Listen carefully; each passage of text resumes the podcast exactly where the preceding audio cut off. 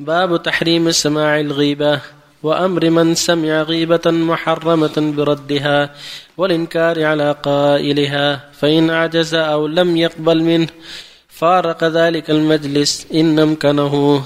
قال الله تعالى وإذا سمعوا اللغو أعرضوا عنه.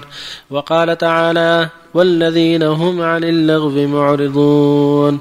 وقال تعالى إن السمع والبصر والفؤاد كل أولئك كان عنه مسؤولا.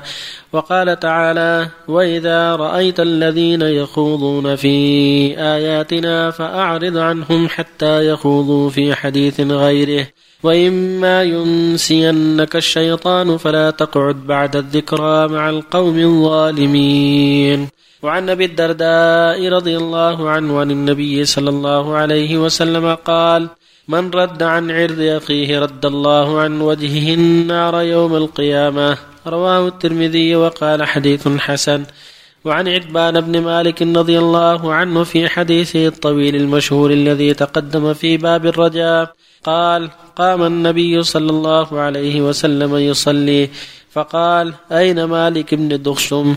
فقال رجل ذلك منافق لا يحب الله ولا رسوله. فقال النبي صلى الله عليه وسلم لا تقل ذلك ألا تراه قد قال لا إله إلا الله يريد بذلك وجه الله. وإن الله قد حرم على النار من قال لا إله إلا الله يبتغي بذلك وجه الله. متفق عليه. وعن كعب بن مالك رضي الله عنه في حديثه الطويل في قصة توبته وقد سبق في باب التوبة. قال قال النبي صلى الله عليه وسلم وهو جالس في القوم بتبوك ما فعل كعب بن مالك؟ فقال رجل من بني سلمة يا رسول الله حبسه بردا والنظر في عطفيه. فقال له معاذ بن جبل رضي الله عنه بئس ما قلت. والله يا رسول الله ما علمنا عليه إلا خيرا. فسكت رسول الله صلى الله عليه وسلم. متفق عليه. بالله التوفيق الحمد لله صلى الله وسلم على رسول الله. وعلى آله وأصحابه من اهتدى به أما بعد قد سبق من الآيات والأحاديث ما يدل على تحريم الغيبة وأنها من المنكرات ومن الكبائر وهي من أسباب الشحنه والعداوة والبغضاء والاختلاف. ولهذا حرمها الله لما تجره من الشر في قوله سبحانه ولا يغتب بعضكم بعضا وقال في الحديث الصحيح إنه مر على قوم حين عرج به لهم أظفار من نحاس يخمشون بها وجوههم وصدورهم فقال يا جبرائيل من هؤلاء؟ قال هؤلاء الذين يكونون لحوم الناس ويقعون في أعراضهم. فالغيبه من أخبث المعاصي ومن أخبث الكبائر. فالواجب الحذر منها والواجب الإنكار على من فعلها. فإذا حضرت المجلس فيه الغيبة فالواجب إنكار ذلك. والغيبة ذكرك أخاك ما يكره. هذه الغيبة. ذكر الإنسان بما يكره. من الخصال التي يسر بها. أما من أظهر المعاصي وجاهر بها فلا غيبة له. فيما أظهر من المعاصي. لكن المعاصي التي لا يظهرها بل يعلمها الإنسان ولكن لا يجوز له أن يغتابه فيها. بل يحرم عليه ذلك والمشروع لها المناصحة التوجيه والدلالة على الخير والوصية بالخير هكذا يقول الله جل وعلا وإذا سمعوا اللغو أعرضوا عنه واللغو كل شيء باطل من الغيبة والنميمة وسائر المعاصي. قال في صلاة المؤمنين والذين هم عن اللغو معرضون. قال سبحانه ولا تقف ما ليس بعلم إن السمع والبصر والفؤاد كل أولئك عنه مسؤولا قال جل وعلا وإذا رأيت أن يخوض في أتفاعل حتى يخوض في حديث غيره. وإما ينسنك الشيطان فلا تقل بعد الذكرى مع القوم الظالمين. فالإنسان إذا جلس مع قوم يظهرون المنكر وجب الإنكار عليهم. فإن أجابوا وكفوا فالحمد لله ولا وجب فراقهم وعدم حضور المنكر الذي يتظاهرون به. يقول النبي صلى الله عليه وسلم من رد عن أرض أخيه الغيب رد الله وجه النار يوم القيامة من ذب عن أرض أخيه.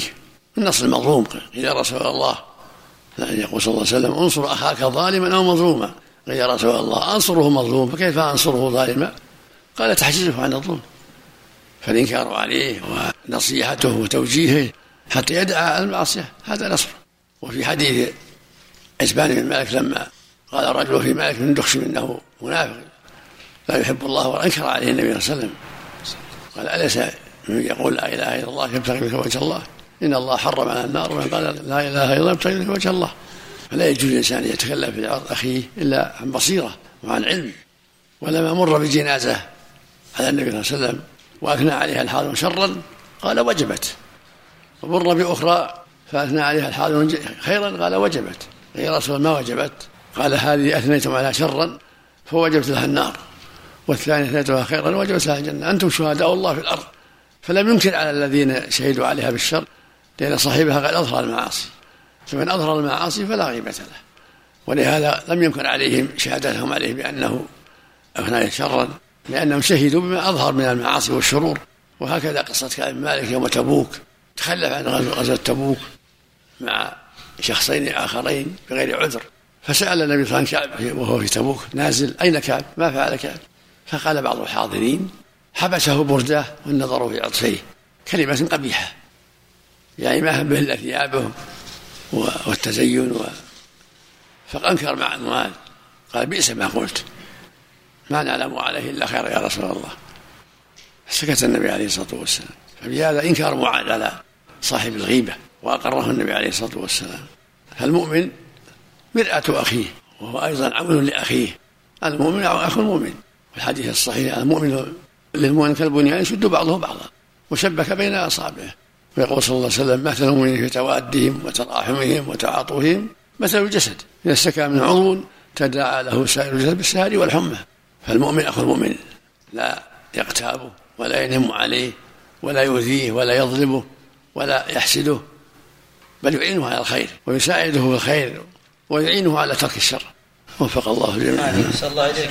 حديث لا غيبة لفاسق ما أعرف لا اصل لكن معقول من الأحاديث الصحيحة. لما دخل عليه رجل قال أذنوا له بئس أخو العشيرة.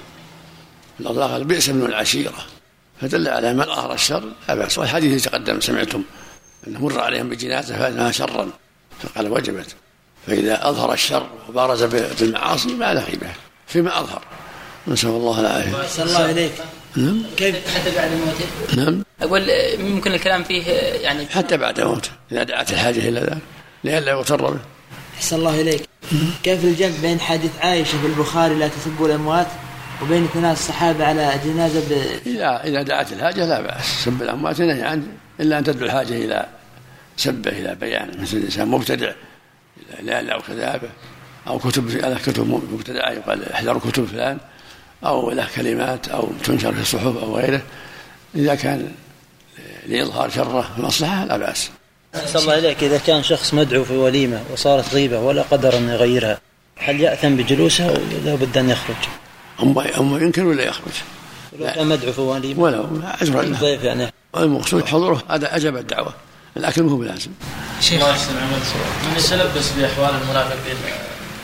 لا بأس بإطلاق النفاق. قول من أظهر خصاله يقول نعم. حديث من رد عن عرض أخيه مع اسناده. نعم بعد يظهر لا بأس به. نقرا يا شيخ. نعم لا بأس. بسم الله والحمد لله والصلاة والسلام من أحاديث البلوغ. نعم. قال الإمام أحمد رحمه الله تعالى حدثنا إسماعيل إسماعيل عن ليث عن شهر بن حوشب عن أم الدرداء عن أبي الدرداء عن النبي صلى الله عليه وسلم. قال من رد عن عرض أخيه المسلم كان حقا على الله جل وعلا أن يرد عنه نار جهنم يوم القيامة. وفي سنده ليث بن أبي سليم خرج له الأربعة ومسلم مقرونا. وقال الإمام أحمد في رواية المروذي في العلل ليس هو بذاك. وقال في مرة أخرى مضطرب الحديث ولكن حدث عنه الناس وضعفه يحيى والنسائي. وقال ابن معين لا بأس به. وشهر بن حوشب الأشعري مولى أسماء بنت يزيد بن السكن. خرج له الأربعة ومسلم مقرونا قال الإمام أحمد روى عن أسماء بنت يزيد بن السكن أحاديث حسان. وقال في رواية حرب الكرماني ما أحسن حديثه؟ ووثقه وقال في رواية حنبل ليس به بأس. وروى ابن أبي خيثمة ومعاوية بن صالح عن ابن معين قال ثقة وقال أبو حاتم ليس هو بدون أبي الزبير ولا يحتج به. وقال أبو زرعة لا بأس به. وقال النسائي وابن عدي ليس بقوي. وخرجه الإمام أحمد رحمه الله تعالى من طريق آخر. قال حدثنا علي بن إسحاق قال أخبرنا عبد الله يعني بن المبارك قال أخبرنا أبو بكر النهشلي عن مرزوق أبي بكير التيمي عن أم الدرداء عن أبي الدرداء عن النبي صلى الله عليه وسلم. قال من رد عن عرض أخيه رد الله عن وجهه النار يوم القيامة. ومن هذا الطريق أيضا خرجه الترمذي كما في سننه.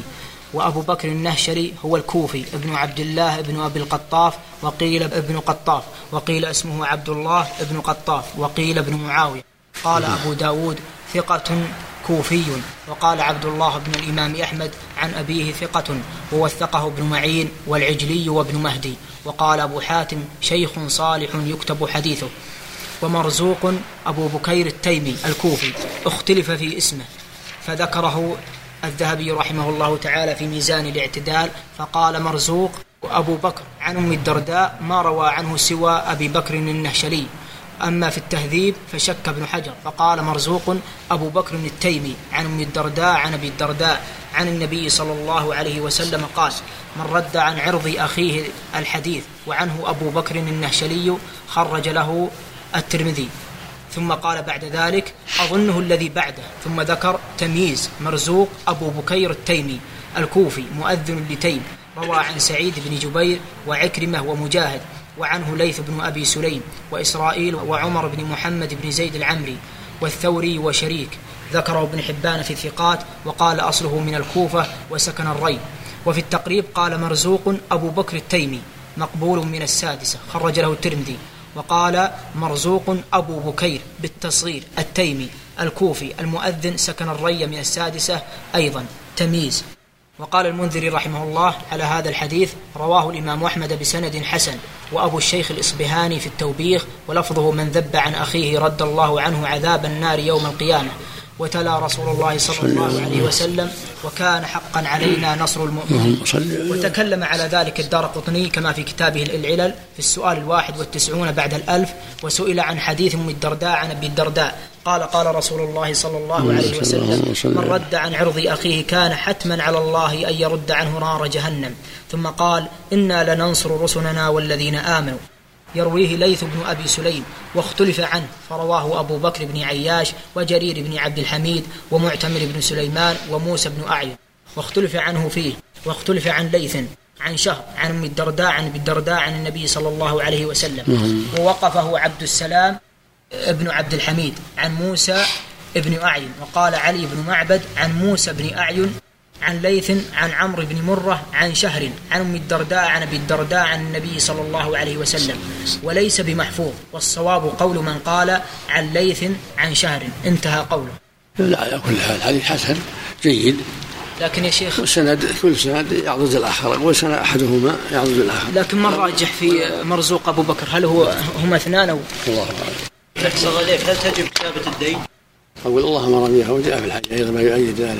ينبغي كتابة الدين أو ينبغي. يعني كل واحد قد ينسى كل واحد قد ينسى.